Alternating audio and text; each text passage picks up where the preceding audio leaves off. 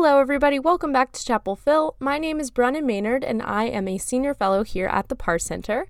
This episode is our third installment of the What Should You Do series, where we ask philosophers what we should do in certain morally ambiguous situations. And then we respond to their takes.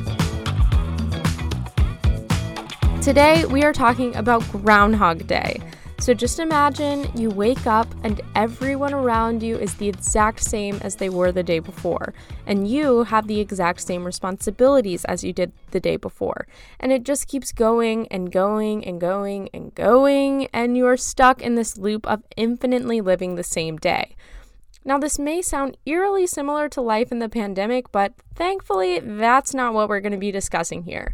Instead, we asked UNC philosophers what they would do and how they would go about pursuing a happy life in this fictional, much more pronounced Groundhog Day situation. Let's see what they had to say. You know, I would be concerned about ethics in some scenarios, but not all. Here's one where I would still care. If I had to choose whether or not to physically harm someone. So, let's say we're not in a Groundhog Day scenario. If I hurt someone today, they're going to hurt tomorrow. The wrong that I've done is going to transcend just today. But even if we weren't in a Groundhog Day situation, in the real world, if you kill someone, they physically may not exist tomorrow, their spirit and their ability to hurt, but that doesn't mean that my actions aren't still wrong to hurt them. I've still hurt them today in the moment that I've caused them pain. I've still done something wrong. And so, even in a Groundhog Day scenario, when the day repeats itself over and over again, hurting someone is still wrong. Now, here's a case where I'm not so sure I would have to worry. Consider stealing something. Stealing to me seems, you know, fine. It might cause an annoyance if the person somehow knows that I've stolen the thing, but let's say you have no idea that I steal your Camaro, and you don't find out for that day. The next day, everything goes back to normal.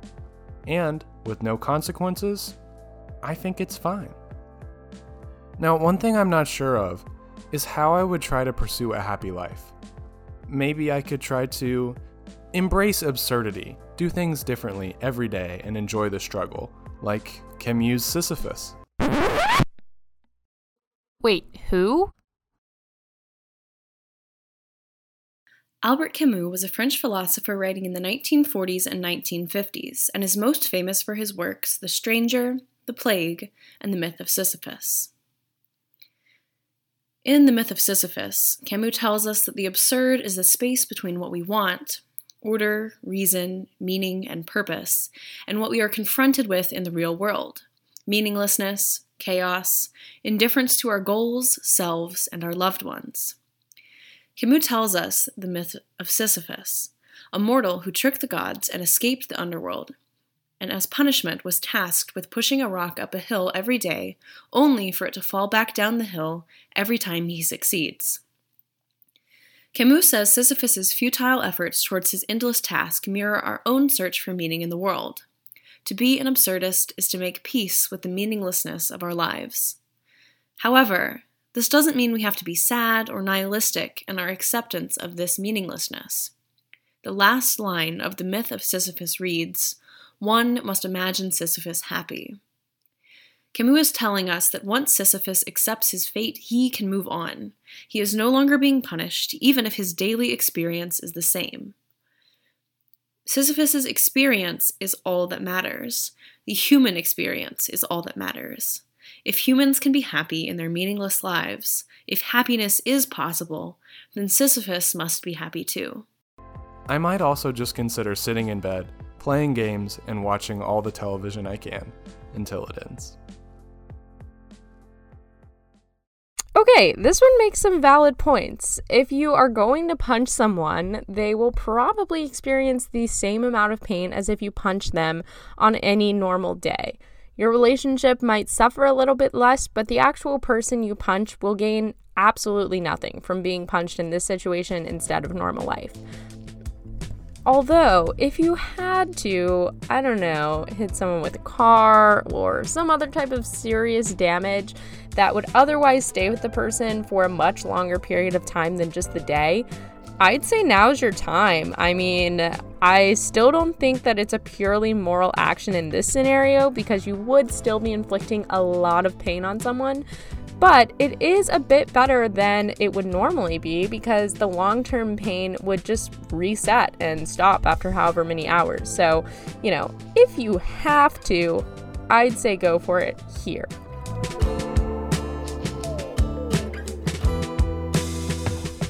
Moving on to how they would actually go about having a happy life, I think Sisyphus does seem to be a really good connection here, as you would be doing the same virtually meaningless tasks and then just go to sleep and start all over again. But what I do wonder is how you could go about finding the joy and meaning in the exact same thing every day. Even the most monotonous jobs have some variation. And I think that that variation has a lot to do with how we are able to find meaning. Another way we find meaning in seemingly meaningless tasks is progress. Sure, the rock is falling down the mountain now, but at least you pushed it up all this way. Meanwhile, in a Groundhog Day situation, there would be absolutely no sense of fulfillment because it literally would be all erased the next day. That could lend itself to, as this person also said, watching TV all day.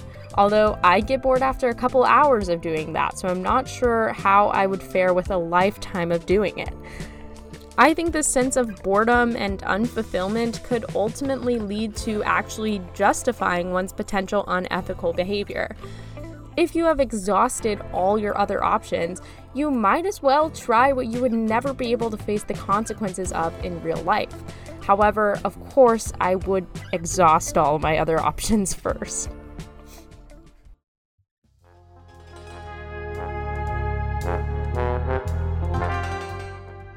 Maybe this is revealing myself to be a moral monster, but I would give myself permission to do all, or at least many, of the things that are not morally terrible, but you know, are pretty questionable. Like, I would definitely try to steal from a bank just to see if I could do it. Or I could try to use my credit card, max it out above the limit, and get all this fancy stuff, knowing I won't have to pay a dime. I might even have to slap someone I don't like right on the face. I mean, honestly, if you want to try to do morally wrong stuff, shouldn't this be a perfect scenario? Okay, yes, this is exactly what I'm saying.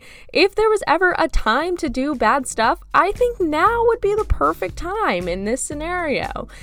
It would only hurt the person for a little while, and you and them would face no other consequences.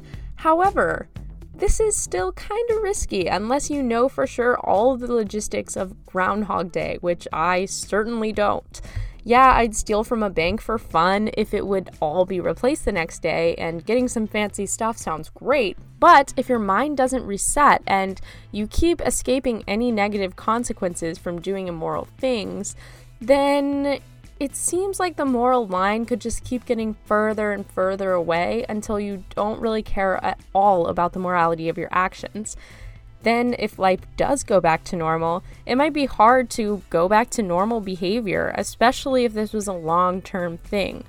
Also, the stress of a robbery and the pain of a slap can be really intense.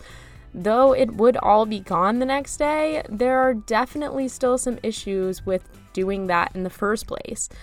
But then again, like I mentioned before, how boring would it be not to try these things? Like, travel time still exists, so you can only go so far away and do so many things. Plus, if I heard someone say the exact same thing over and over every single day, I'd probably want to slap them too.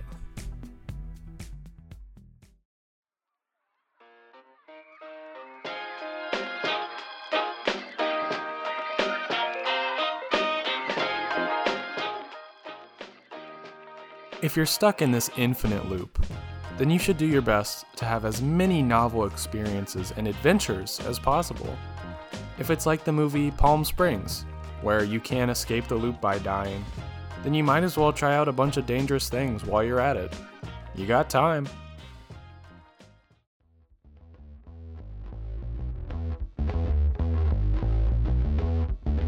Okay, this one wins. There are so many things that I would love to do if I didn't think that I would die if I did them. I could skydive, cliff dive, surf, which I know a lot of people surf, but have you seen Shark Week? It's really scary. Um, so, yeah, if I could do all of these things, I would do them and I would probably not be super bored. Um, however, like I said, travel time does still count, so you would have to get really lucky in your location in order to have all of these things in, you know, in arm's reach. And also, if I were to get bit by a shark in the morning and not die, all of the pain that I felt in that day would be so bad, and I would not want that to happen. So maybe I would even pass on this, but I probably wouldn't because it seems really fun. And if there was a time to do fun things, now is also the time to do that, not just unethical things.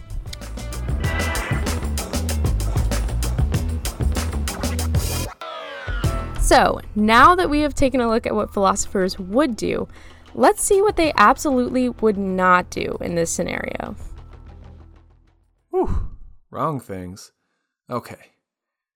Well, you could definitely do some pretty sketchy stuff. But let's not dive into all the possibilities. Just try not to kill anybody. I think this actually opens up to some real questions that, you know, some of our responses pointed out a little bit earlier. But, you know, it could be that killing someone is actually not as bad in this scenario the argument could be made that it is just as bad or worse to slap someone or steal all their stuff or inflict any sort of long lasting pain on someone as it is to kill them. Assuming the rules mean that they could come back totally alive and fine the next day, the pain they would feel on that day would be completely gone in a matter of seconds or minutes. Meanwhile, if some sort of intense stress or pain is inflicted on someone and they don't die from it, they have to live out that entire day with all of those negative emotions and all of that pain. Of course, this is a very black and white way of viewing the situation. Maybe afterlife sucks and causes a world more pain than any earthly slap or robbery could cause. I don't know. I haven't died. Also, maybe the person being robbed or slapped just has a really high pain or stress tolerance and it doesn't even bother them. I would hope no one would actually kill someone just because, but I think that there's a bit more room for discussion and objection in this scenario than in any other scenario.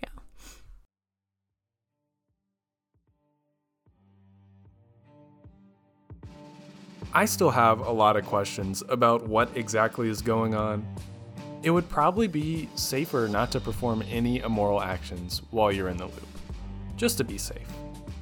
Is each loop the start of some new reality that you only experience for one day?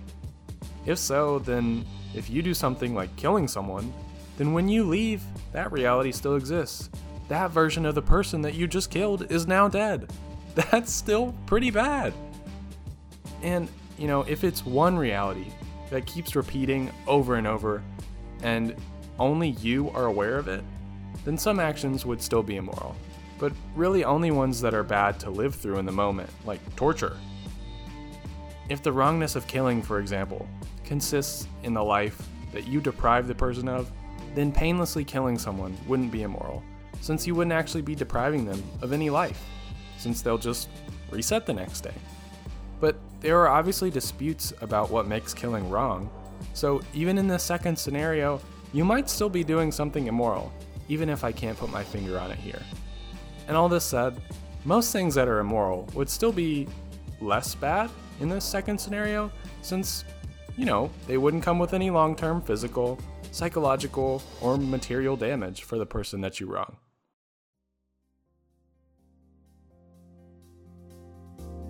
So, this is exactly what I was saying before for the most part. However, the idea that each new day is actually a new reality is really interesting and could have some major consequences in either direction. This philosopher assumes that that would make any immoral action just as bad because it would actually exist and all the consequences would play out for that person.